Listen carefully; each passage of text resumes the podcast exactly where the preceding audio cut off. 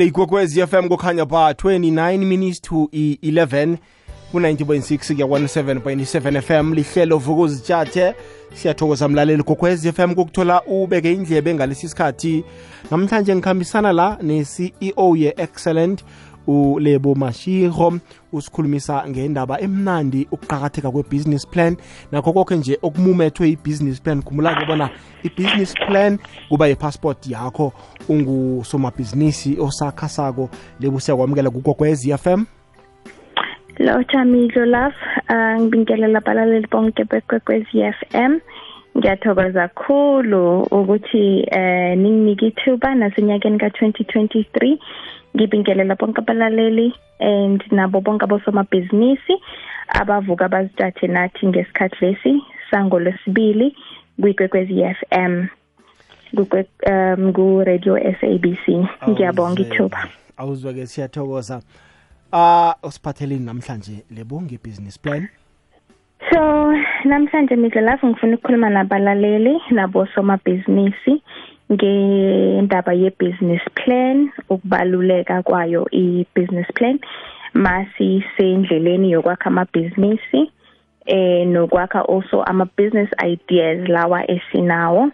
Ngifuna ukuthi sibheke ukubaluleka kwe-business plan bese nokuthi mase sihleli phansi si sithala noma siyibhala this business plan. Ama point angu4 esifanele ukuthi si focus kiwo noma ayoba mcoka.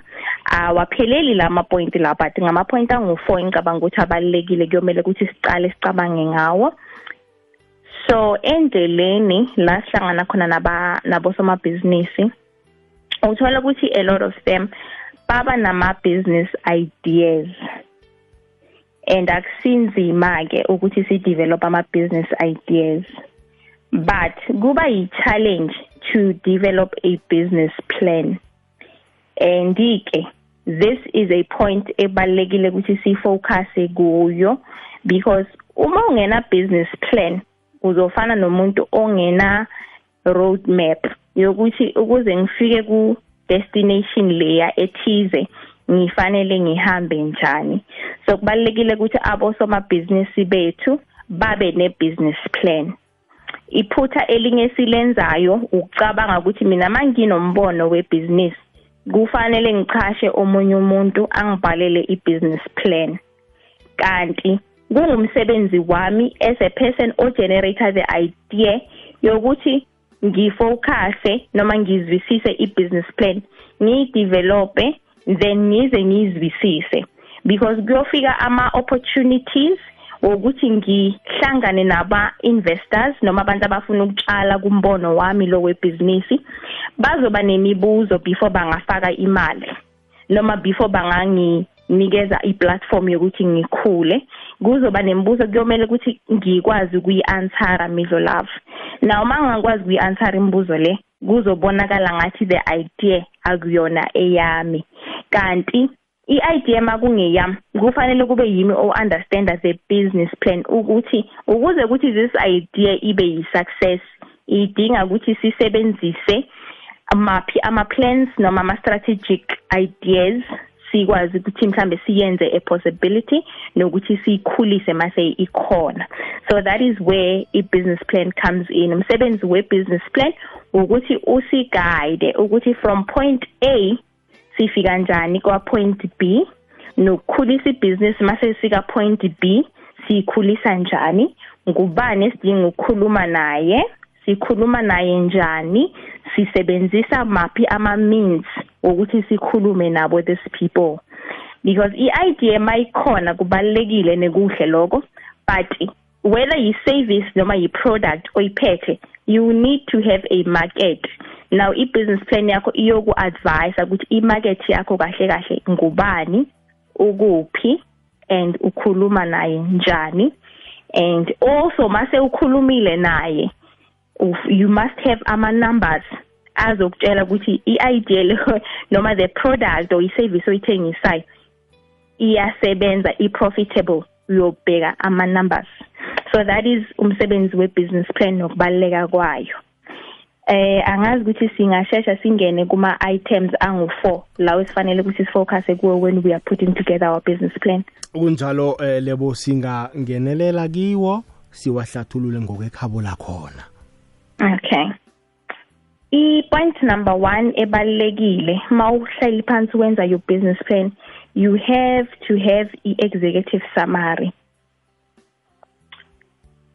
Umuntu ozobe abheke your executive summary because akakwazi midlo lapho uyofanele ukuthi umnikeze i-background ukuthi mina njengo-excellent ngiyibhizinisi ethome ngonyaka lo ngisebenzela endaweni eso and eh mhlambe ngiyiproducer ngezinga elifika la ngiyibhizinisi efuna ukufika esigabeni esithize but kwamanje ngisasebenza mhlambe ngokuncane noma okukhulu okufika ezingeni elithize. Siyibhizinisi eqalwe nguso and so onama expertise noma ubukhoni noma ubuhlakani endaweni ethize ku field ethize. And ungaze uexplain mhlambe ukuthi yini encourage ukuthi ufune ukuqala umhlobo lo webusiness oqalile. Bese kiyo also introduce ukuthi ama competitive advantages. Maningi mhlamba amabhizinisi enza lokho kwenzayo but ekwenza your business ibe special kuyini?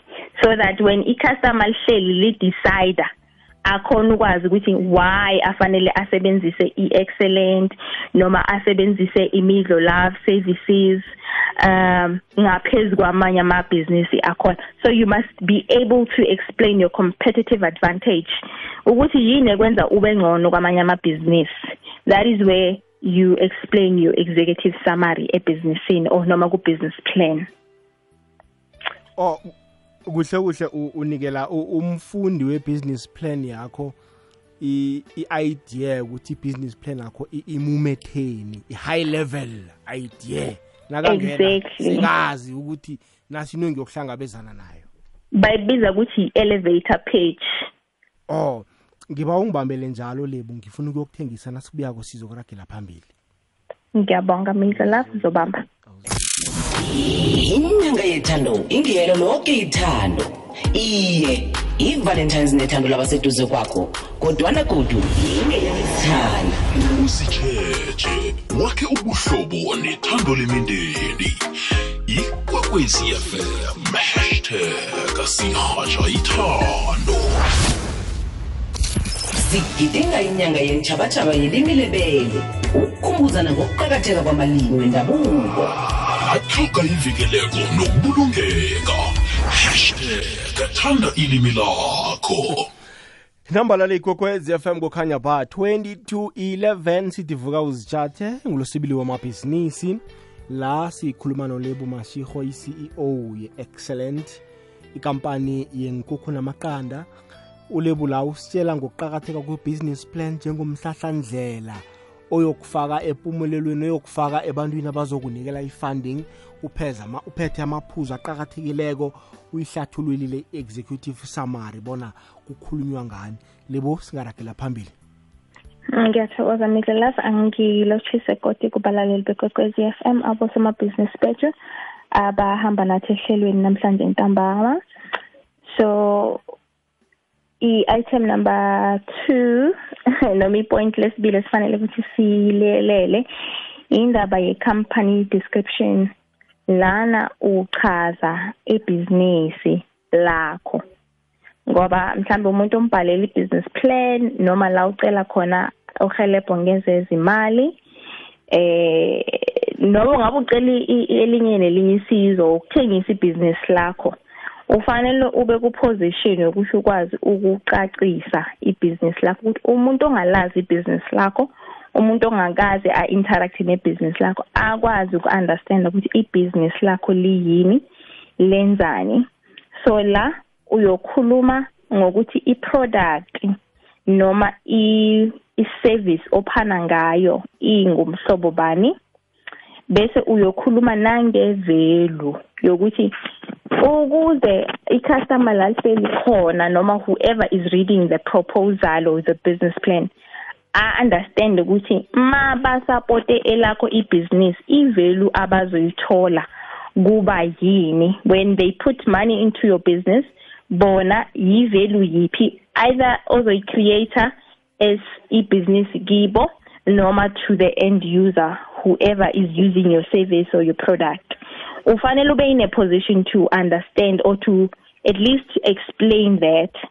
Uyochaza also nama processes of putting together i-product.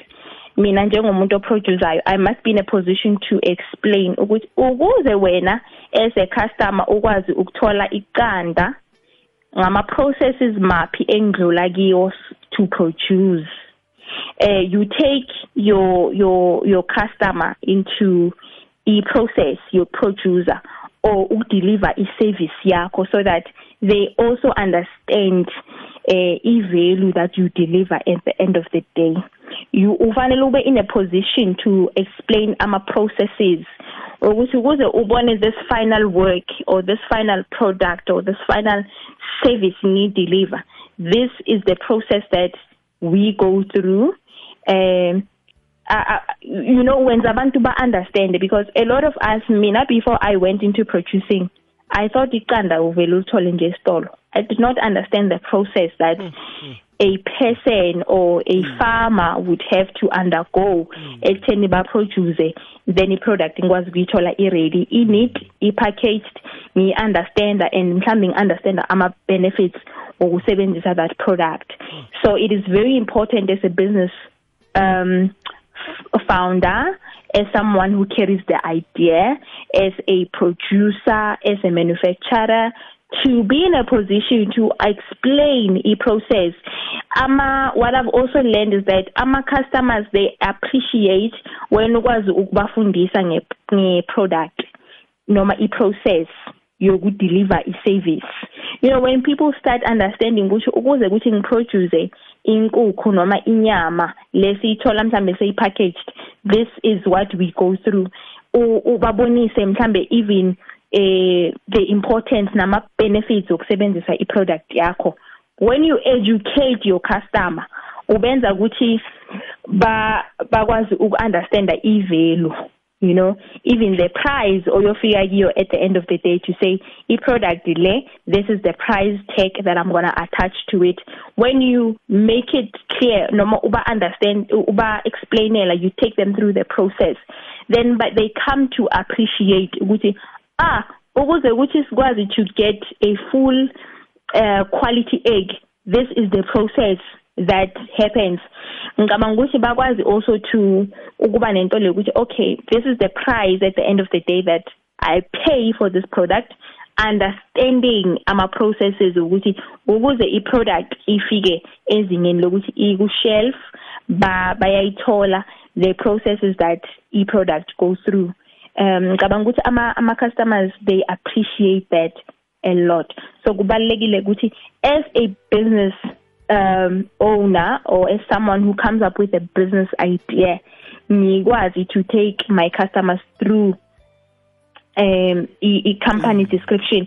Also la uyo uyo explainer um mhlambe ukuthi the company i-product eyisebenzisa noma well like I, I've, I've explained ukuthi i-product you need to be able to explain it ukuthi ukuze ukuthi i-product ibe yi-final product la nikwazi ukuyithola khona kuma-shelf noma ku-market this is the process that we go through. It's also good ukuthi ukwazi to give i-background yokuthi ngubani nobani ababa part of this process. Kuba ngama expertise maphi esiwadingayo noma esiwa esiwa outsourcayo from them you know kwenza ukuthi your customer appreciate i product noma i service that you are able to give to them at the end of the day. Can i continue? Iyazwakala. Phambi kobana uragile phambili sizame siba meme nabalaleli bona eh bangangena babuze wabo umbuzo. Nasiceda ukubeka iphuzu lethu lesine ku-086 000 eh 3278 086 000 3278 namkha ungasithumelela i-whatsapp voice note mlaleli kokwezi FM inazi inomboro la zithi 079 413 079 413 thumele wakho umbuzo ukhona ulebo singaragela phambili lebo ngephuzu lesithathu Okay. Iphuzu lethu lesithathu kuzoba yi-market analysis. Kubalulekile kakhulu Midlo Love ukuthi mawuqala u put together a product noma i-service you need to understand noma ukuzwisisa ukuthi i-market yakho ngubani. Ubheke isidingo e- esikhona ku-market yakho bese ukwazi ukuza nezindlela zokuthi usatisfy isidingo leso. Kubaluleke kakhulu ukuthi ukwazi ukuzwisisa ukuthi imarket yakho ikuphi. Bese mawuse ukuzwisisa lokho ukuthi ikuphi imarket yakho uyomela ukuthi uzwisise ukuthi imarket yami ngikhuluma nayo njani. Because kungenzeka ukuthi today i'm sitting kune market engifuna uku ukuyisupply but imarket yami akusiyi market econsumer itelevision. Ngifanele ngizwisise ukuthi imarket yami i-consumer i-content ye-radio. Then this is where I am going to advertise or this is where I'm going to communicate ne-market yami to say isidingo lesiyani eninaso as a market thina singu-excellent or thina singu-company B sikwazi ukusi-satisfy so it is very important ukuthi u-understand ukuthi i-market yakho ikuphi ingubani ikhuluma njani nokuthi izwisisa i-communication enjani. Kungenzeka ukuthi thina singu-excellent siproduce iqanda. Imarket yethu ngumuntu wesifazane. Abantu bathanda ukuthi uma ubabuza ukuthi kahle kahle imarket yakho ngubani athi umuntu nguwo wonke umuntu. Akusinguwo wonke umuntu. You need to narrow your market down. You need to understand ukuthi ma ucreate i-product iyi-product oyi-createle abantu babo baba noma iyi-product oyi-createle abantu babo mama u-understand i-age group yabo u-understand nokuthi batholakala kuphi. Bangabantu abasebenzisa ama-train ukuya ekhaya noma bangabantu ababukela i-TV noma bangabantu abathi mabafika ekhaya between 8 and 11 pm mhlambe ba get glued on their television screens noma bangabantu abatholakala ku kuma fashion scenes or bathanda izimpahla noma bathandani. Then you start communicating nabo nge means noma nge medium that they understand. So kubalulekile ukuthi when you come up with a service noma you come up with a product uzwisise kahle ukuthi imarket yakho ingubani. Ubheke kuyenzeka ukuthi kunabanye abantu bavula izitolo endaweni zakanokusho. They know ukuthi mabathole icustomer eli 1 per day elizospenda u50000 that is enough for them. Bese kube nesinye isitolo esidinga ukuthi sibe nabantu abangu100 abazongena kiso every single day then bakwazi ukureacha i-target yabo. Um so kubalekile ukuthi as a business owner as a business as a person who generates an idea u understand kahle ukuthi imarket yakho ngubani. Imarket yakho makungumuntu wesifazane bheka ukuthi uku age group yipi u understand the communication enjani. Do they understand social media language? Because kuyenzeka ukuthi abanye abantu babe nento ukuthi mina since i'm on facebook i must advertise the business lami ku facebook kanti mina the people that consume my product or consume i-service yami are not facebook people. So uku-understand that your your market analysis kuzoku-assista ukuthi ungawaste ama-marketing resources wakho ungayenza ungaprinti ama ama flyers kanti the people that you want to communicate nabo are on their phones. When you can promote i-brand yakho or i-product yakho via a social media post. Unga invest ku Facebook kanti your your people ba understand your traditional marketing methods where you need to print out flyers for them. So it is very important ukuthi u understand your market analysis you you get your research done and get it done right so that u understand ukuthi mina abantu bami esu excellent bangumuntu wesifazane who is between the ages of say 28 to uh 55 a woman who odinga ukusupporta umndeni wakhe onabantwana barelaye kuye mhlambe obheke ukuthi akafuni iproduct ezokonsuma ugesi omningi. Mhlambe ufuna iproduct abantwana bangakwazi ukuthi bayipheke endlini angakaba angekho yena for like i supervision you know? Uh umuntu mhlawumbe ufuna iproduct engeke idinge ugesi omningi since also sinenkinga yabo load shedding. Mhlambe ngumuntu wesifazane odinga iproduct abantwana abangakwazi ukuthi bayipheke ngaphandle kokuthi yena supervise all the time and ezo saver ugesi like i said. But also bangakwazi ukuthi bayisebenzise mhlambe 3 times a day. They can have it for breakfast bangayisebenzisa ku lunch and for those abangadli okunye ukudla bangayidinga as a supplement ye protein yabo for ama meals wasentambama. So you need to understand the market yakho very well. Then u started to to cater for that market. Asikwazi in fact we cannot even afford uqala ama business that sounds like good ideas but uthola ukuthi asikho isidingo ku market for them. So mase u understand i, i market analysis yakho iyokuguide so that ma uthatha ama targets uthatha ama targets a a right when you are shooting ushute on target unga waste ama resources wakho. You know mase ushuta on target you understand who you want to communicate naye and nama budget wakho they are tailored towards in needs that you want to satisfy. Singaya ku point number 4 okay ibali khoma ngaphambi kobana kubethe isimbi yechumi nanye asiye ku point number 4 lebo? Item number 4 that you need to see or noma that you need to understand when you are putting together a business plan yi-management personnel. Lana sobheka ama-bios wabantu that we want to bring. Ebhizinisini. If i'm gonna sit here and put together a i-idea ye-renewable energy mina ngingulebo nginama-expertise okuproduce amaqanda. Now i'm speaking about renewable energy. Kusho ukuthi kuyofanele ukuthi ngithole abantu abanama qualifications enginganawo mina. People that understand renewable energy.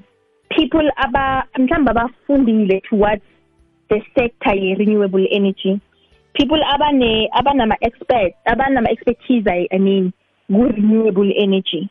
Kungenzeka ukuthi mina ngingulebo melo lapho ngingakhona ukuspotha ukuthi kune gap endaweni ethize but i don't have the necessary skills or qualifications to render that service. Kubalekile ukuthi ukwazi to understand ukuthi uyomela ukuthi uthole abantu abangabochwepheshe kuma ku sector noma industry that you want to go into. Eh namhlanje ngivule kamehlo to someone who opened my eyes to ama opportunities ukuthi si sibheke into esibiza ukuthi agro processing because mina ngolwazi nyana lami oliphelele eduzane ngicabanga ukuthi you just produce amaqanda then abantu bawa consume but someone was now opening my eyes to saying you can agro process actually wathola ukuthi iqanda uyolisebenzisa ku space se construction la bengasi aware khona. But to to pursue i avenue leyo. It means I would need to have a person who's educated around that specific area akwazi to advise me as a business owner ukuthi ngamaphi amanye amathuba akhona. So masifuna ukukhula njengabo business owner nje ngama ngabantu mhlamba banemibono emihle ku business kuyomela ukuthi sibe honest si understand ukuthi mina njengolebo nginombono. Ma ukuze ukuthi umbono lo ukwazi ukukhula and ureach ipotential yawo ophelele kuyofanele ukuthi ngizihlobanise noma ngichashe abantu abanama expertise mina enginganawo. Um abantu laba siyofanele ukuthi also must when we are putting together this business plan sichaze ukuthi i-experience yabo iyo iyo iyoba of benefit noma of advantage njani ebhizinisini lethu. And abantu abangama investors wena middle love nabalaleli bafuna ukubona ubavezela ukuthi i-experience yabantu ozobaletha iyoyehlisa njani ama ama risk because ibusiness angithi uqala ibusiness kuyi risk and ukufaka imali noma ukutshala imali ebusinessini kuyi risk but mawuyokwazi ukuletha abantu abanama expertise ubonise ukuthi ukuba khona kwabantu laba kungasisiza ukuthi si mitigate noma siyehlise amazinga wobungozi ukuthi ibhizinisi leyo ingaphumeleli njani. An investor uzofuna ukubona izinto ezifana nalezo. So abalaleli abasebhizinisini noma abahlela ukungena ebhizinisini ngithanda ukuba ukuba advisor ukutheni bafanele babe ne business plan. I business plan asithali because siyofuna i-investment phela i-business plan siba nayo so that izosisebenzela njengomhlahlandlela. Ukuthi njengoba sifuna to in, to embark ku journey yokuqala ibhizinisi siyosebenzisa yiphi indlela yokuthi sikwazi ukufika kuma intended goals wethu nama plans esinawo. I-business plan iyosisiza also nokuhlaziya ukuthi ibhizinisi yethu ifuna uku-operate ku-season yiphi. Iyosisiza also nokuthi ngabaphi abantu esifanele ukuthi sibaqashe ebhizinisini? Ekutheni basisize ukwakha amabhizinisi wethu bese sikwenze abe ama-businesses aba-profitable and aba-sustainable. Bese i-business plan iyosisiza ukuthi sihehe abo-investor. Abantu abaphethe imali abafuna ukutshala kumabhizinisi. Iyosisiza ukuthi siba-convince ukuthi ama-business plans wethu angiwo afanele ukuthi athole i-investment yemali. Bese also mase siyirana this business i-business plan iyosisiza ekutheni sikhulise ama-business wethu ukuthi makube bengiyibusiness e-operator ngo-10000 in 2 years ngikwazi uku-operate nge-60000 ngonyaka olandelayo sikwazi uku-operate ngo-100000 sikwazi nokwenza ama ama turnover angcono akhulile. Sidale namathuba omsebenzi for imiphakathi yethu. Iyazwakala lebo ngaphambi kobana sivale la kunembuzo emibili la ichiwe mlaleli kwekwezi FM akhe sibalalele.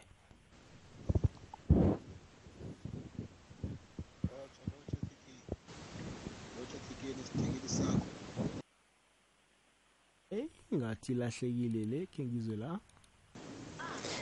Yeshi mindlolavu nodadewethu lapho estudio.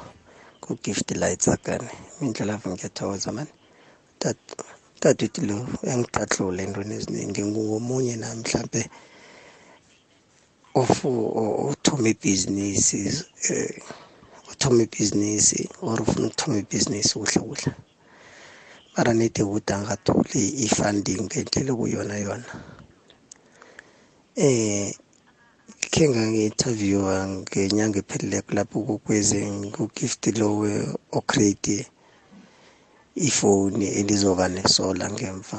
Ukhona ukuthi uchaje into njengalezo so ngumuntu osalinda amafandi into njengalezo mara udadewethu lokhuluma iqiniso into ayishokule ngoba into ayishokuleyo inoraha khulu. Kuma kuma kule kumakhampani azowufandora abantu ngoba bahlezi nami bangibuza ukuthi then this and this this and this yabo. And mude ube ube uthi ukhona ukuthi nokuziphendula into njengalezo. Ngiyathokoza mani thokoza khulu i hope ukuthi abantu bazo baza kufunda kuye. Si iyathokoza kileyo ndawo ke sizwe la. Akwande mfo nesithekeli sakho lapho la kwaRafontein A stop 6 ngathi kine ngimngethu MJ wazongomentshas engiyabonga nesithekeli sakho yazini sokufundisa abantu ngebusiness plan ukuthi umuntu nanoma athoma ibhizinisi azi ukuthi ama-target akhe yini babantu abanjani nanoma ukuthi i-profit yenziwe njani. Ufunde kukhulu nami ngoba lokho yinto engiyaziyo kodwa baningi bebangakwazi kodwa njengoba sekakhona nje sebakwaziyo. Ngiyabonga isithekeli sakho yo ngithokozele kiso thanku ya lebo abalaleli babuka nje umsebenzi omuhle ngendlela obahlathululela ngayo i-business plan. Akhe sikhuluma amaphuzu aqakathekileko lebo sivale. Amaphuzu lawo ethi aqakathekile. Sikhulume ngendaba ye-executive summary. Ukuthi kubalulekile ukuthi ukwazi ukuchaza ukuthi ibhizinisi ingubani ibuyaphi isebenzelaphi nokuthi inani. Then we need to understand noma explain i-company description. Sisho ukuthi product ne-service esiyenzayo noma esiyivezayo iyini nokuthi ama-processes aba involved ekutheni sikwazi ukukhiqiza whatever product that we we we produce. Kuyi i-process yiphi esiyilandelayo. And then ngakhuluma ngendaba ye-market analysis that kubalulekile to understand who your target market is who you are producing for and nokuthi um why badinga i-product yakho the value that will will be added ezimpilweni zabo by using product yakho. Then i target noma i, i point lokugcina engizo engishiya balaleli ngale ndaba ye management personnel ukuthi mina ngingaba ngulebo ngiqala ibusiness but ngithola ukuthi anginawo uh, ama expertise noma ulwazi lokuyihambisa ibusiness leli. So kubalekile ukuthi ma urun ibusiness ube very honest with yourself brutally honest with yourself to say I might be the person who carries the idea but ngidinga ukuthi ngichashe abanye abantu abangangisiza so that sirane this business ibe yimpumelelo. Bese kubalaleli ngithanda ukubakhuthaza ukuthi umsebenzi webusiness plan asingawushiyela abantu esibaqashayo ukuthi basibhalele ama business plan nje a random bese sihambe sithi siyofuna ama funds ngawo. Kubalekile ukuthi sazi ukuthi business plan ye business lami iyini kube yimi the person oyidevelopayo ngingaqasha omunye umuntu noma ngicela umuntu onolwazi ukuthi angiassist but kube ukuthi the process ngipart and parcel yayo so that when kufika ithuba lokuthi uyochaza noma uthengisa ibusiness yakho kuma potential investors kube ukuthi ukwazi to explain the details ze business yakho A to Z ngebusiness yakho. Bangathi mabakubuza ukuthi what is your marketing plan? Kwathola ukuthi we understand. Wafuna ukubheka ukuthi konje lapha ku business plan kubhalweni. Kubalekile ukuthi i business plan yethu si siyigcoke embody your business plan. Uyi understand ulele. Uyi understand noma ungavuswa nje ulele ukuthi explain your business plan. You the crucial the ama elements of vital ya wayo kube kuthi uyawa understand. I business plan also the business plan oqala ngayo today it uzoloku uyidevelopa ifana nomuntu noma ifana neingubo that esizigcokayo. Today this is working kusasa something else will work. So ne business plan injalo iba yi makeup ye business lakho it gives your business a face so you do need to update izinto. You you do need to change izinto. You do need to develop izinto. You do need to check which okay this was working in 2022 in 2023 this is the new strategy. Kuma kuma business plans or abantu abadevelop ama business plans especially abaku agriculture namanye ama sectors mhlambe ku farming. Ngithanda ukubakhuthaza ukuthi bayenze i renewable energy as an aspect that they need to look at. By factor kuma business plans wabo because now siyabona ngendaba ye load shedding and everything i renewable energy ama ideas ama sources amanye okwenza ukuphehla ugesi abalekile ukuthi siwa siwabheke sibheke nokuthi azosibiza malini for ama initiatives wethu. Then ke siwenze part of i business plan yethu. Masiyoqela ukusizwa ngezimali nangezinye izindlela. Kube ukuthi i renewable energy factor or it's something esiyibhekile kuma business plans wethu. Ngiyabonga mindlo lapho. Lebo sithokoza kakhulu kwamambala namhlanje. Ilwazi lakho osinikele lona mhlambe umuntu ofuna ilwazi elinabileko nitholakala kuphi? Ngine-email address. I-email address yami ithi lebo at excellentbylebo com. U-excellent wami is e double g s e double l e n t dot com. So it's lebo ulebo wami u-l e b o at excellent by lebo one word dot com. Eh inamba yami ke mizolavino i'm not comfortable nokuyishiya emoyeni. Mangilandela futhi ku Facebook i'm very active. Ulebo mashego L E B O. Umashego wami ngu M A S H I G O. Ngiyawaphendula ama inbox i'm also ku LinkedIn as Lebogang Mashego. Ngangithola futhi na ku Twitter @i am lebo underscore i am lebo underscore ku Twitter ngiyabonga kakhulu mihle lapho sithokozile khulu kwamambala lebo ukukhuluma nawe namhlanje. Nakusasa kwangathi kungaba njalo. Ngiyathokoza futhi ngiyabingelela oh ngiyabonga kubalaleli bekwekwezi FM ngibafisela ubusuku obuhle and laba abafuna to stay in contact bangangilandela ku social media handles wami lawe ngiwashiyile bangangidrophela futhi ne-email zokwazi ukubaphendula. Then si sisebenzisane sakhe amabhizinisi wethu siwenze abe ngamabhizinisi a-profitable na-sustainable. Bafisela inhlanhla kakhulu abalaleli bonke bekwekwezi FM abasebhizinisini. Sithokozile ukuba nawe mama awuzweke. Ngulebo mashiro i-ceo ye-excellent. La kugwegwezi fm sithembeke bona uthethe e-email address yakhe ku-social media bona utholakala kuphi. Ukhone ukufundana naye ngokwekhabo lakhona 6 past 11 sithe vuka uzitshathe